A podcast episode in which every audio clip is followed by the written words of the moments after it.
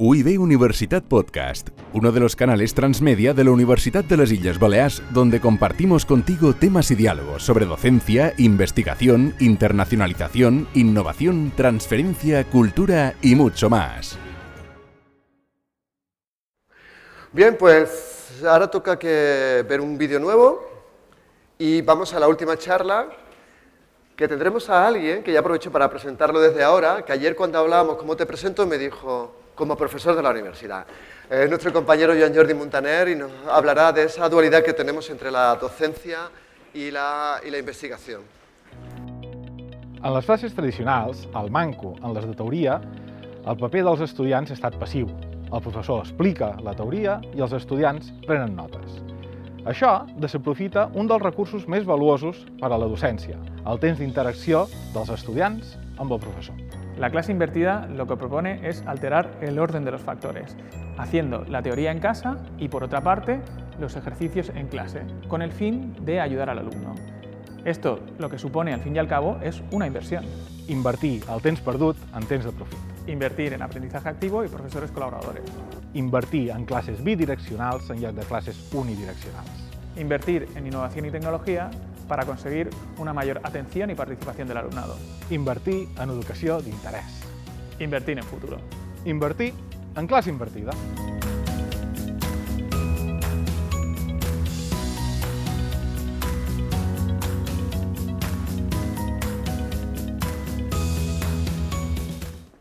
Bé, bon dia.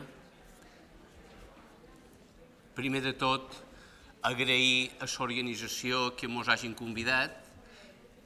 Com veus, eh, el pedagog sempre parles de quan se parla de docència.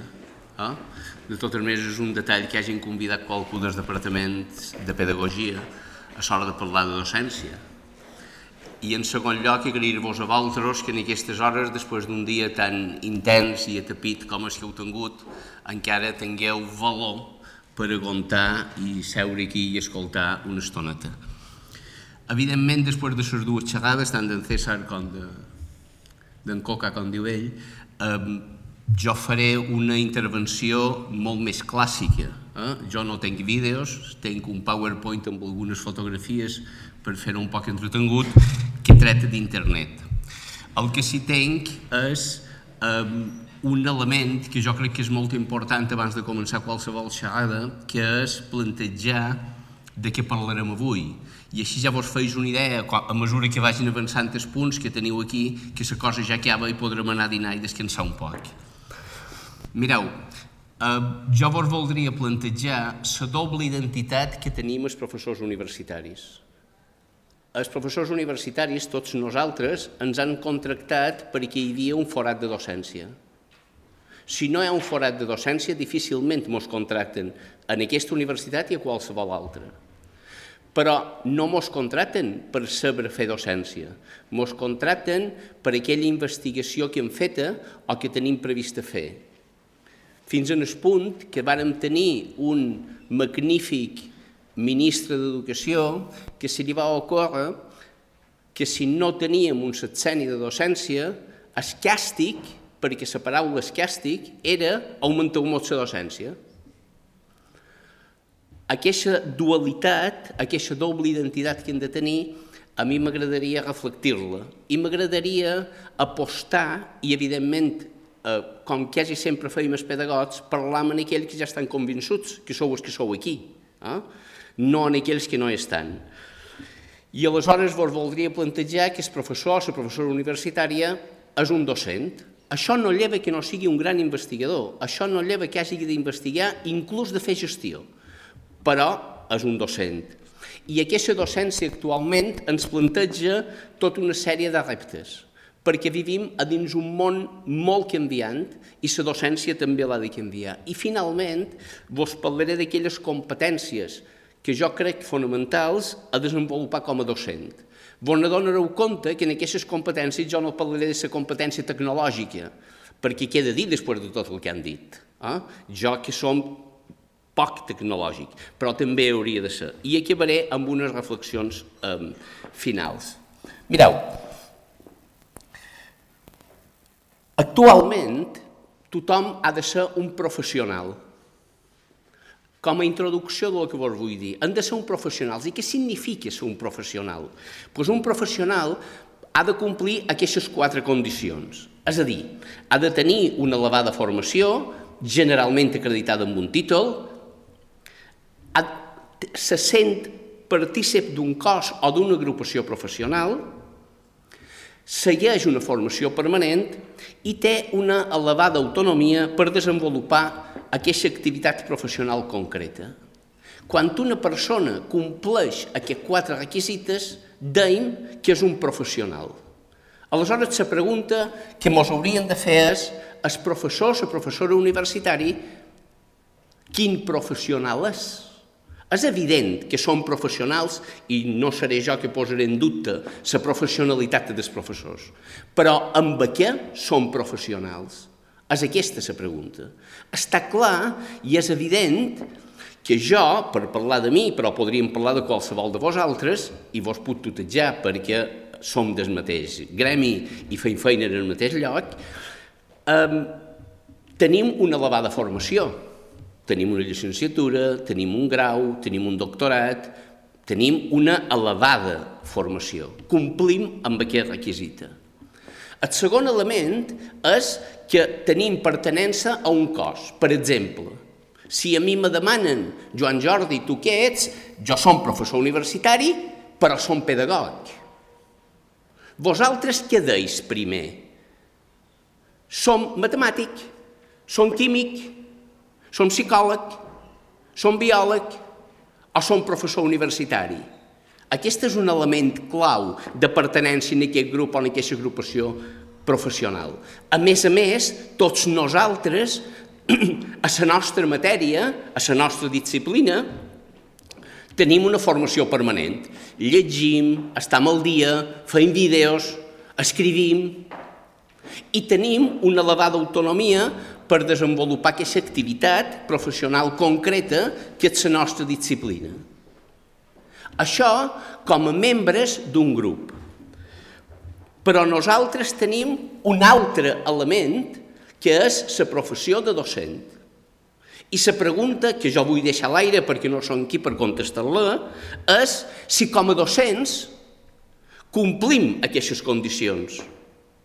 És evident que per ser docent a qualsevol nivell del sistema educatiu se demana una acreditació. A qualsevol nivell del sistema educatiu, menys a la universitat. A la universitat no se demana. I ja vos he fet abans la reflexió si teníem la sensació de pertànyer a un cos de docents o si la nostra pertenença és en el cos de químics. Ja no parlaré de la formació permanent perquè me sap greu dir-ho a vosaltres que vos heu m'aixecat avui de matí aquí tot lo de matí amb aquesta formació permanent. Aleshores, ara vaig a al revés, vaig super a al revés, ara ja vaig en Aleshores tenim una doble professionalitat. Som professionals de la nostra disciplina respectiva i som professionals de la docència d'aquesta disciplina. I jo m'agradaria avui resaltar aquesta eh, situació. Mireu, ha la creença falsa de que una persona que sap molt d'una disciplina és un bon docent. Això és fals. No necessàriament. Saber molt d'una disciplina ajuda. I tenir experiència com a docent ajuda, però no és clau. La capacitat docent no sorgeix de la manera espontània. Requereix uns coneixements i uns recursos propis. No només tecnològics, que també, sinó que hi ha altres situacions d'elements. Mireu, jo penso que unes jornades com aquestes, i evidentment jo, de més de professor universitari, som pedagog, a mi m'agrada dir-ho per aquest ordre, també ho tem fàcil, entre parèntesis, perquè una cosa se superposa en l'altra. Eh? Sí que m'agradaria eh, reflexionar amb vosaltres sobre la necessitat de revaloritzar la docència a dins que nostra, a dins l'universitat. I en Zabalza, un article, en Zabalza és un company nostre, és un catedràtic de, de didàctica de la Universitat de Santiago de Compostela, que ha estudiat molt aquests temes de eh, la docència universitària, planteja quatre elements. Primera, la docència és un component important per la formació del nostre alumnat. És evident que els nostres alumnes venen a classe per una raó. Jo m'agradaria que pensássiu 5 segons, perquè són més de la una i és hora d'anar a dinar, per què venen els nostres alumnes a classe? Quin és l'objectiu primordial de que venen els nostres alumnes a classe? Molt fàcil. En teoria i en la pràctica venen per aprendre. I és evident que ells aprendran, ara ha sortit un vídeo, no sé si ara fa una estona, que de... Um, sí, abans, um, la propaganda dels cursos preparatoris. Els nostres alumnes venen mal preparats. bueno, aquesta és una bona excusa. Eh? Quan una cosa no funciona, va molt bé donar la culpa als altres. Aquest és un element clau. Els nostres alumnes aprenen en el seu esforç, en la seva feina, en la seva situació però no és el mateix tenir a classe un professor amb unes condicions o un professor amb unes altres. No és el mateix tenir un professor amb unes competències docents o sense aquestes competències docents. No és el mateix per una universitat tenir una docència favorable en l'aprenentatge dels seus alumnes que tenir una docència dèbil en l'aprenentatge dels seus alumnes.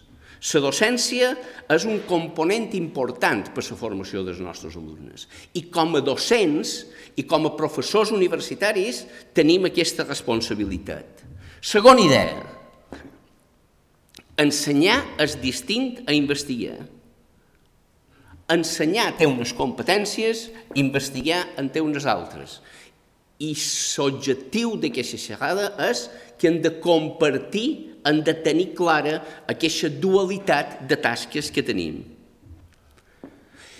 Una bona docència no és qüestió de molta pràctica, no és qüestió de molts de coneixements, és necessari una formació i una revisió, una formació permanent damunt aquest, aquesta situació. I la docència, finalment, requereix, exigeix unes competències professionals determinades. A partir d'aquí, mos sorgeixen algunes preguntes claus. Com podem abordar de manera adequada la creixent heterogeneïtat de l'alumnat que tenim a classe? Mireu, aquesta pregunta és una pregunta retòrica.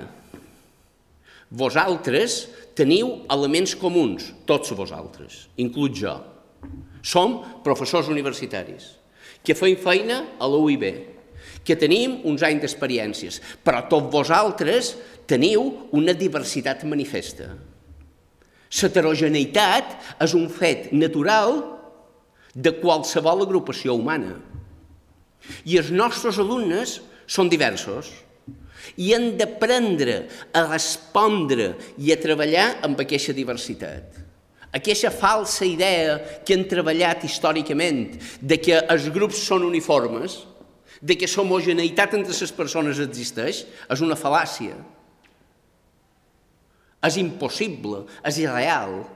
Aleshores ens convé ser conscients de que el grup de nostres alumnes, siguin 15 o siguin 90, són diversos, d'interessos, de motivacions, de coneixements, d'habilitats, de competències. I nosaltres no hem de treballar per un grup escoït d'aquests alumnes. Haurien d'aprendre a treballar per tots ells. No és el més bon professor aquell que més suspèn. És més bon professor aquell que possibilita que més alumnes diversos aprenguin aquelles coses necessàries de la seva disciplina.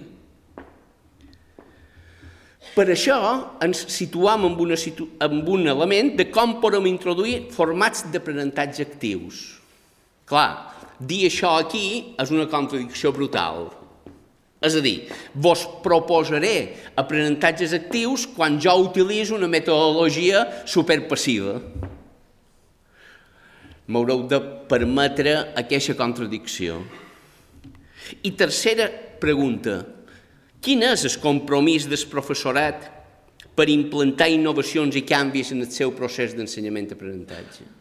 Clar, la pregunta clau lligada en aquesta és, jo, com a docent, estic satisfet del meu model d'ensenyament? Ho podria fer millor? Ho podria fer distint? Per on podria començar? Aquest és l'element clau. Després ve tot l'apartat de tecnologia, però si jo no arrib a la conclusió de que les coses se poden fer d'una altra manera de que l'estic fent, el canvi és impossible.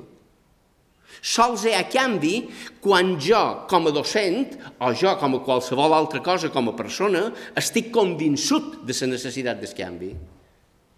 I aquesta és una pregunta que jo deixaré a l'aire. I aleshores, com a resposta minsa en aquestes tres qüestions, voldria canviar el foc d'atenció del que estan parlant. Si estan parlant d'un procés d'ensenyament-aprenentatge, m'agradaria apagar el foc que il·lumina l'ensenyament per posar el foc damunt l'aprenentatge. Ja vos he dit abans, els nostres alumnes venen a aprendre. Jo de vegades dic a classe, que hi ha gent que m'ho ha sentit dir, eh, què és el pitjor que poden dir si ara un alumne de tercer de pedagogia, que és el curs que jo impartesc a una assignatura, me volguessin ofendre, me volguessin menysprear, podrien dir moltes coses, perquè això és fàcil, eh? però què és allò que a mi m'ofendria de veres? I vos ho podríeu aplicar vosaltres ara. Mira, Joan Jordi, he estat una hora o una hora i mitja o 40 minuts segut en aquesta classe i no he après res. No he après res. Vosaltres vos imagineu per un moment anar a un restaurant, seure-vos a taula i dir, miri, jo no menjaré res. És il·lògic. Si han dit que els nostres alumnes venen a classe per aprendre, la nostra responsabilitat és afavorir, facilitar que els nostres alumnes aprenguin alguna cosa. Evidentment, amb aquella diversitat de la que parlava abans, impossible que tots s'aprenguin el mateix en el mateix temps, però que tots s'aprenguin alguna cosa, aquest és el nostre repte. I amb aquesta situació hi ha un document d'una de les institucions europees que parlen d'aprenentatge, que és la OCDE, que evidentment no és una de les institucions més revolucionàries de la, de la Unió Europea, és més aviat una institució conservadora, que l'any 2012 va publicar un document i, i plantejava els set principis de l'aprenentatge. Molt breument els anunciem. Set principis de l'aprenentatge, és a dir, quines característiques ha de permetre la nostra actuació docent si volem facilitar i afavorir que els nostres alumnes aprenguin. Primer, els alumnes són el centre de l'aprenentatge. Clar, vosaltres me direu, escolta, Joan Jordi, eh, ets un bandarra, perquè, clar, la primera tu ja no la compleixes. Perquè, evidentment, d'aquesta xerrada, l'artista són jo. I no hauria de ser, perquè ets l'alumne que ha d'aprendre.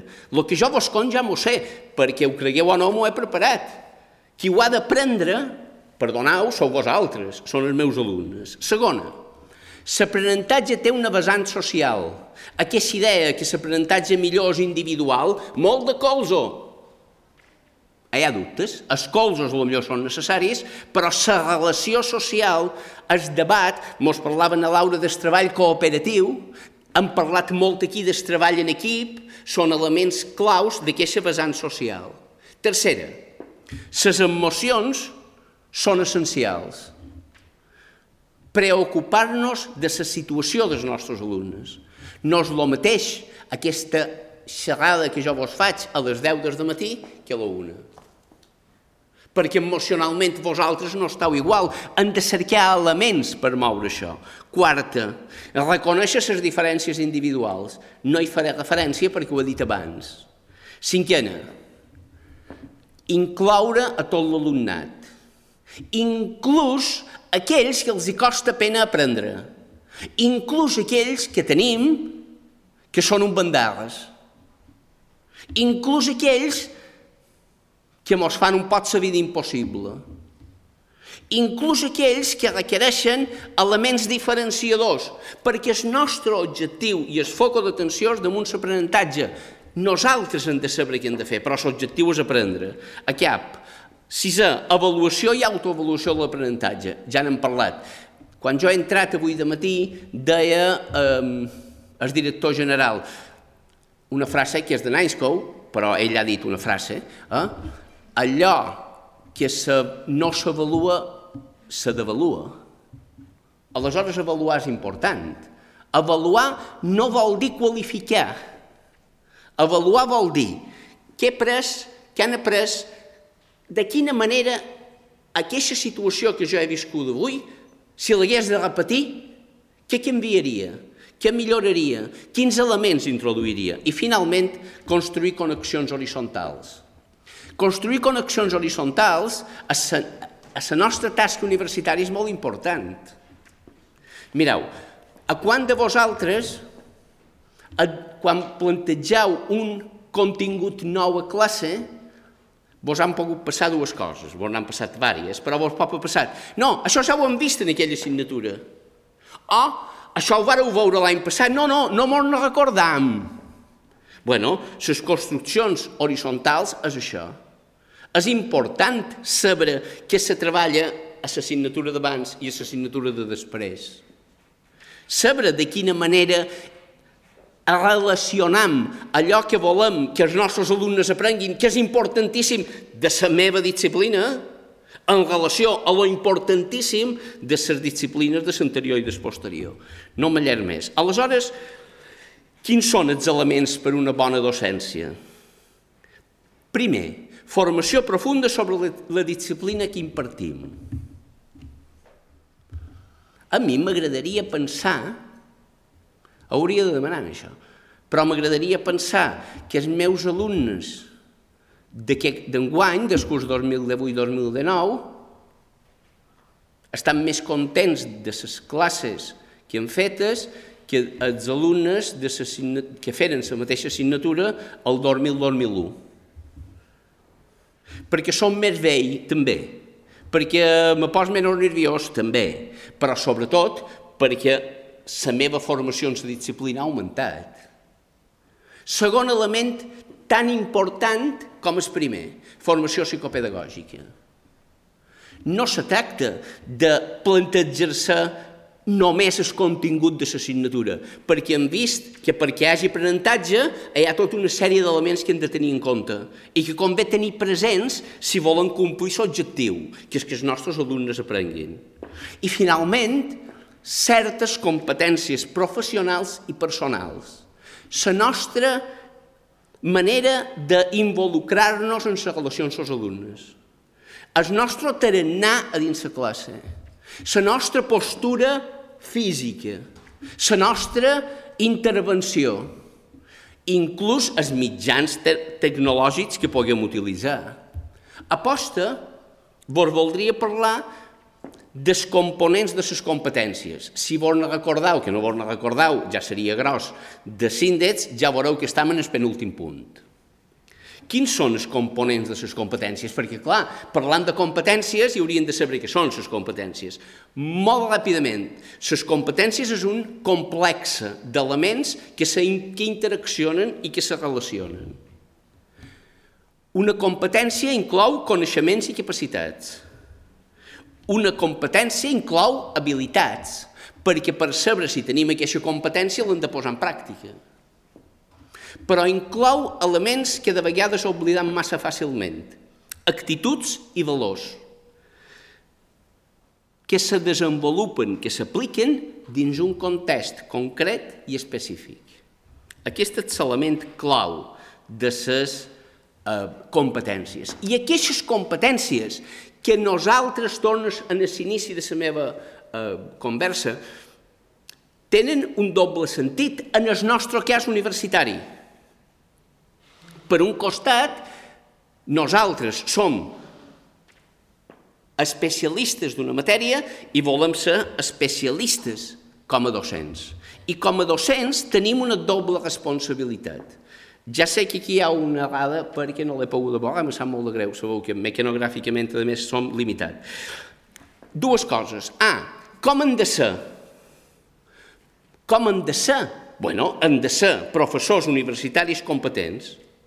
I per ser professors universitaris competents, ens hem de preparar i evolucionar com a docents. Però, a més, tenim una segona responsabilitat. Què hem de fer? Nosaltres tenim com a objectiu la formació de l'alumnat en competències professionalment valuoses de la nostra disciplina.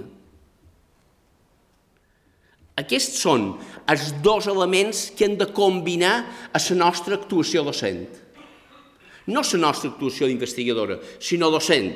Han de ser, han d'evolucionar, ens hem de preparar com a docents, però hem de augmentar, treballar les competències per allò que s'estan preparant els nostres alumnes. I quines serien aquestes competències? Mireu, jo ho he posat en sis, sé que falta la tecnològica, però sabent que abans hi havia en Coca i en César era una tonteria que jo en parlàs, aleshores eh, vejo les connexions horitzontals. Eh?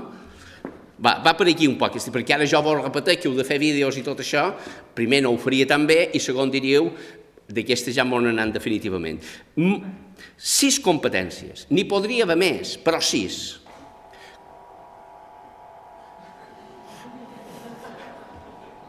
Això què vol dir? Això és com, com en el teatre que encenen els llums. Val, és igual.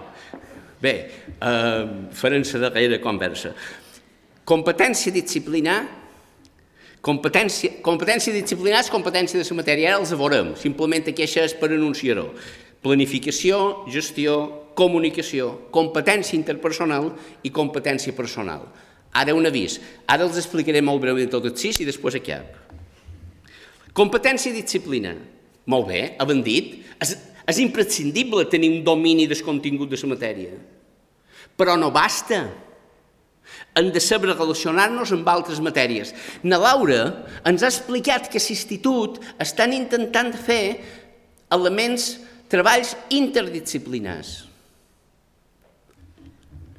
L'altre dia, l'altre dia, l'altre dia, no, aquesta setmana, dimarts, a Pedagogia van tenir una conferència d'una professora que parlava de filosofia 3D8 i hi havia una frase d'un alumne que la vaig trobar molt gràfica del que vos vull dir. Deia, la realitat és com un mapa físic del món, on hi ha les muntanyes, on hi ha els rius, on hi ha els pobles, un mapa físic, recordeu un mapa físic.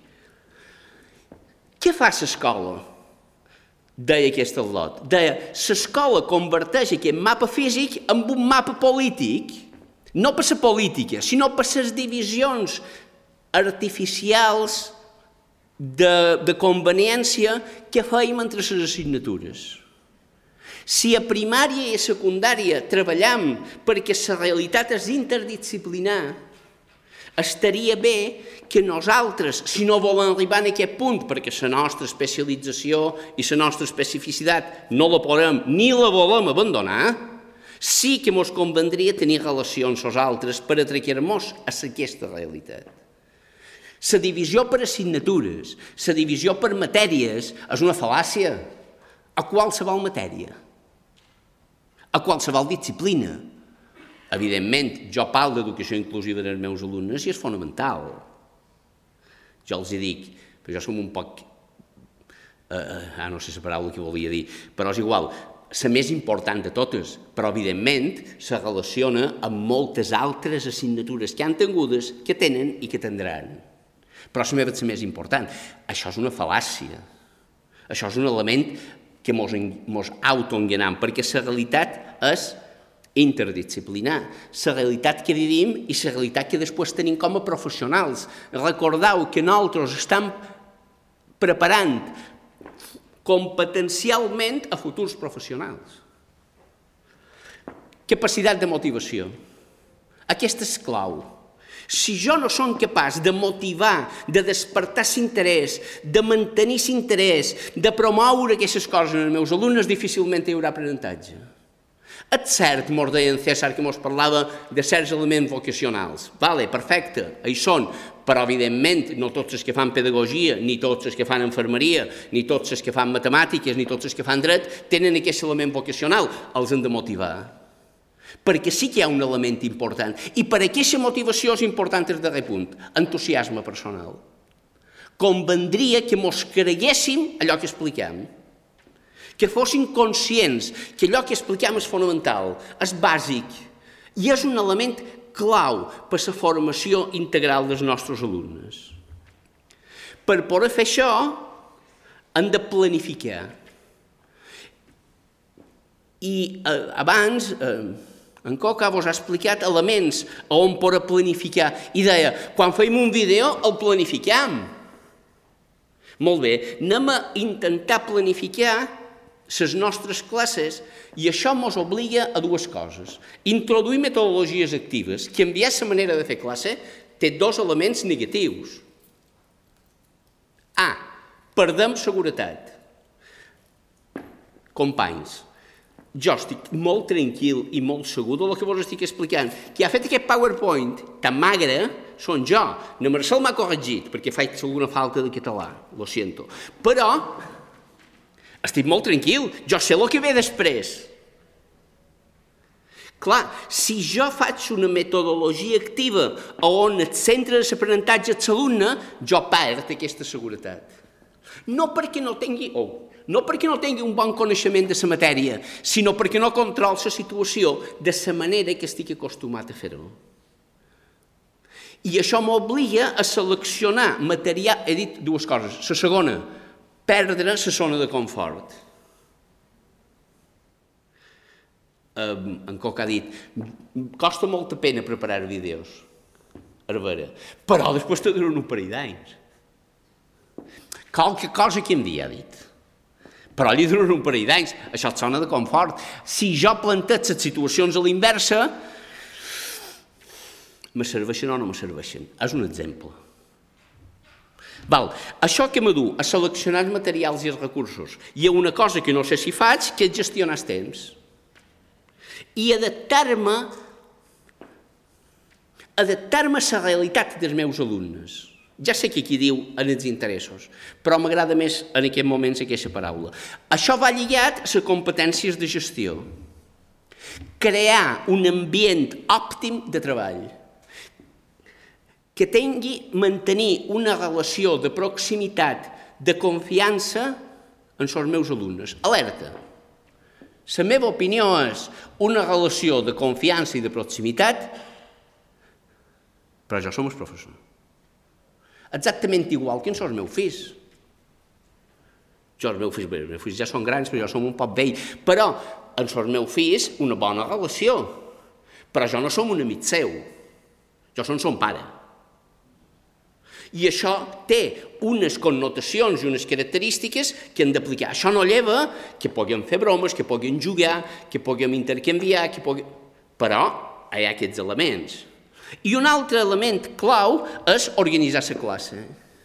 Com organitzar la classe? En César ens ha explicat, organitzar la classe ens ha mostrat eh, fotos d'una classe organitzada. Fer això du feina. S'ha de pensar bé el que se vol fer, i per què se vol fer, i com se vol fer. Inclús una classe tradicional l'han d'organitzar, han de saber quan intervendran, han de saber de quina manera. De quina manera els inclourem dins la situació de la classe? I, evidentment, desenvolupar aquesta capacitat d'innovació. Competència de comunicació és imprescindible. Eh? Em fa gràcia aquests xistes d'una parella, eh? una parella que seven en un restaurant un davant l'altre i eh, això és un xiste, un, un acudit, un acudit. Eh? Si aquí hi ha no, hem de fer les coses bé, eh? Si podem. És que hi ha, és que hi ha de departament de català aquí davant. Clar, després no vull que digui que Joan Jordi és un, inepte, que l'és, però millor que no ho digui. Allà on érem? Eh? Aquell, xiste, aquell acudit que dos seven davant al restaurant i se xerren per WhatsApp. Bueno, no és això el que volem. A pesar que sí que hi ha molt d'elements tecnològics. Això me fa gràcia quan en Coca diu que si penjam un àudio d'una assignatura, um, això l'escoltaran quan se passegen en el mòbil. Uh, ho faran, però permeteu-me Disculpa-me. Va, permeteu-me que ho dubti. Jo si ve un alumne i me diu mira, Joan Jordi, digues, ahir vaig anar a fer una volta pel passeig marítim i vaig escoltar la teva classe.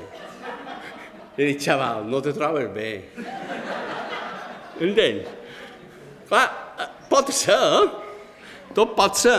La meva dona sempre diu tot pot ser menys néixer dones veies.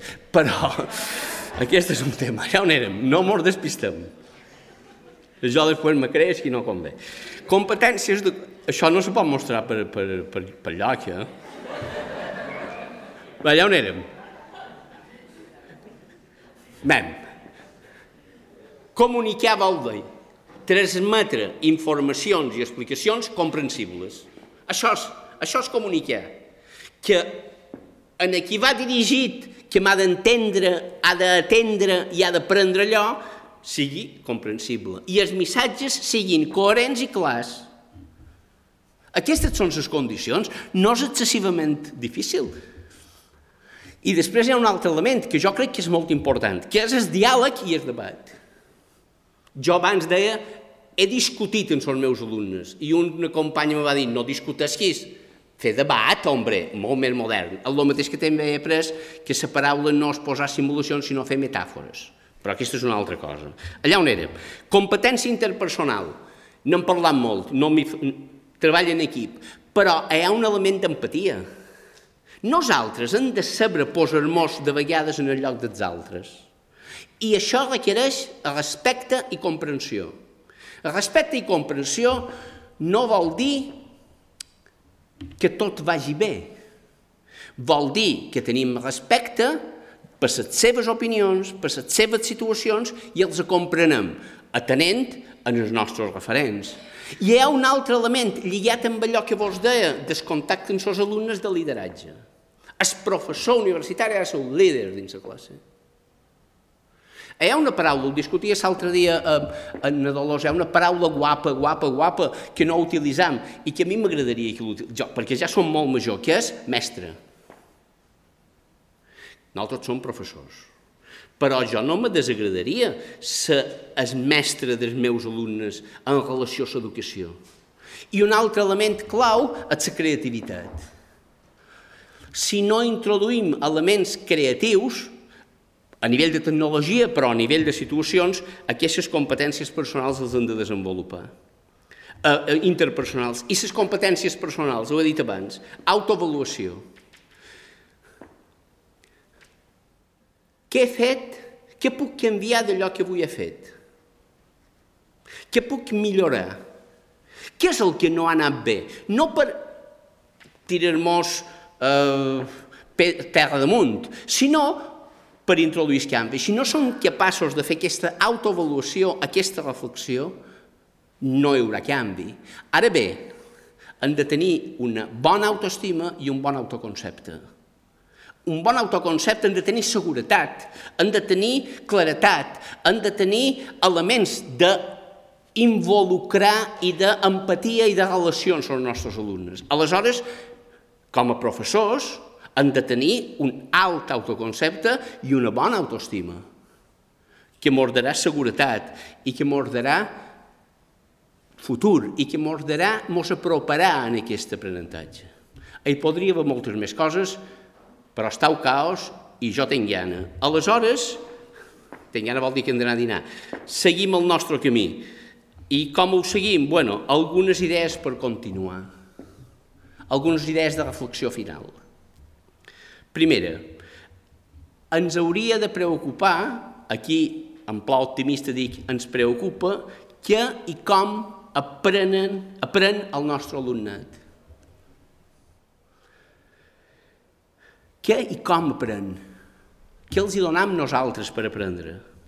Segon, practicam sense menysprear la investigació, al revés, revaloritzant la investigació, practicam la docència com una professió especialitzada, perquè som professors d'aquesta disciplina, perquè som professors d'aquesta matèria i volem investigar amb aquesta matèria per millorar la docència.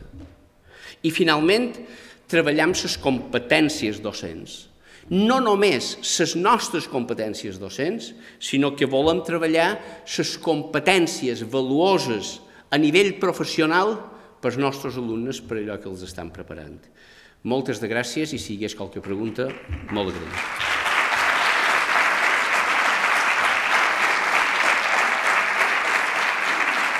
Bueno, 10 minuts. Uh, si qualcú té una pregunta o una idea, uh, estic content que només hi hagi fruita i no hi hagi hagut tomàtiques, així segur que no arriben, però no ho sé. No hi ha cap pregunta?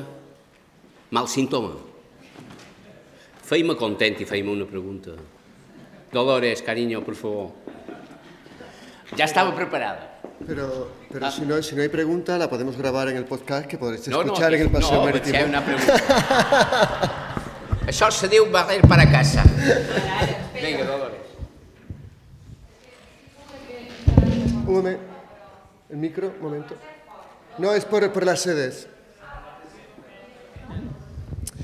Que estic seguríssima que estaràs d'acord amb jo. Però més que una pregunta, és un comentari que diguis què en penses, perquè Vinga. jo també estaré d'acord amb tu, per tant, millor a l'auditori. Ja vos he dit que estava preparat. No, eh, la qüestió és que certament a mi la disciplina m'ha pareix sumament important, però tota sola ella ja fa molt de temps se van escriure llibres en, en aquest sentit que la disciplina no és suficient i altres elements, ingredients, són fonamentals i se complementen. Però hi ha un tema, i que s'està debatent en aquest moment, si ja fa temps, no és d'ara, que és el tema dels currículums tan densos que tenim a les universitats. Quan estàvem planificant l'espai europeu, se debatia encara el tema del 3 més 2, el 4 més 1. Aquest país va decidir 4, o l'Estat, millor dit, no el país, l'Estat va decidir un, 3, un 4 més 1. I en aquest 4 més 1, jo me'n record que va venir el rector en aquell moment d'una universitat, me pareix que era de Vigo, que era matemàtic, i, i va comentar, i era vera que ho podia fer, certament, perquè hi havia evidències de que ho podia fer, que muntava un pla d'estudis de matemàtiques en aquell moment en 3 anys. A mi m'apareixia una idea sumament acertada, perquè crec que un docent ha de ser capaç de dir què és el més important en el segle XXI, 2018, de nou, de nou, en aquest moment ja, perquè l'alumne, l'alumnat, els estudiants se'n vagin amb una motxilla molt carregada, però de coses importants i que n'hi ha d'altres que després les pot aprendre si són capaços de que el seu cervell hagi fet connexions que són claus. Per tant, a mi m'apareix, no, ho has dit de manera indirecta, que la selecció de continguts que forma part d'aquesta planificació caldria remarcar-ho, perquè tenim això, un currículum molt densos, amb moltes assignatures que són de 6 i podrien ser de 9, però de coses importants i que ha crec que segur que si analitzàssim totes les guies docents, etc, allò que planificam, hi hauria coses que són secundàries, les podríem destriar i aleshores insistir un poc més i que els nostres alumnes. I després, crec que això té molta relació en què aprenguéssim a realment a planificar la nostra docència a partir dels, dels principis del disseny universal per a l'aprenentatge. I si no anem cap aquí, no complirem moltes coses de les que acabes de reflectir en aquesta xerrada. Gràcies, Joan Jordi, però volia saber la teva opinió. Bueno, mem, no ho podria dir tot perquè si fa una segona jornada m'haurien de convidar també. I aleshores convé no dir-ho tot. No, mem, el tema està clar el tema és basant la docència damunt dels continguts o damunt les competències. I aquest és l'element clau. Um, a mi que m'agrada molt parlar, de vegades me perd perquè pens que si jo no ho explico no ho aprenen. I això és, una, és, és horrible. Uh, quan un desenvolupa una competència, si vos heu fixat, havent dit, un dels elements de la competència són els coneixements, són els continguts. El que passa que nosaltres hauríem de treballar més no tant donant informació, sinó creant coneixement. Donant aquelles eines, a més això, eh, tots ho sabeu, nosaltres preparem per l'aprenentatge durant tota la vida. No és com aquesta situació de que, eh, que tenien els nostres pares que entraven en una empresa quan tenien 16 o 17 o 18 anys i sortien en els 65 a dins la mateixa empresa. Els nostres fills aquesta situació no la tindran. Aleshores, és important donar competències. Competències que els permetin adaptar-se a la realitat social i a la realitat que viven en aquell moment. Aleshores sí que és els continguts, l'informació està a l'abast i és gratis en aquest moment. El coneixement és un element que sí que hem d'aprendre a treballar. I això és un element que va molt bé tenir molta informació damunt la disciplina, però se necessiten també dos elements que jo penso que són fonamentals, que són habilitats i coneixements psicopedagògics i habilitats i coneixements personals, de relació. No? Crec que és, aquesta seria la reflexió, és a dir, eh, qualsevol serveix per ser el que vulgueu pensar, jo penso que no. Qualsevol serveix per ser professor universitari, per ser docent universitari, jo penso que no. Però això no vol dir que no se pugui preparar per ser. D'acord? A l'al·lots tu a dinar. Ah, moltes gràcies. UIB Universitat Podcast, uno de los canales transmedia de la Universidad de las Islas Baleares, donde compartimos contigo temas y diálogos sobre docencia, investigación, internacionalización, innovación, transferencia, cultura y mucho más.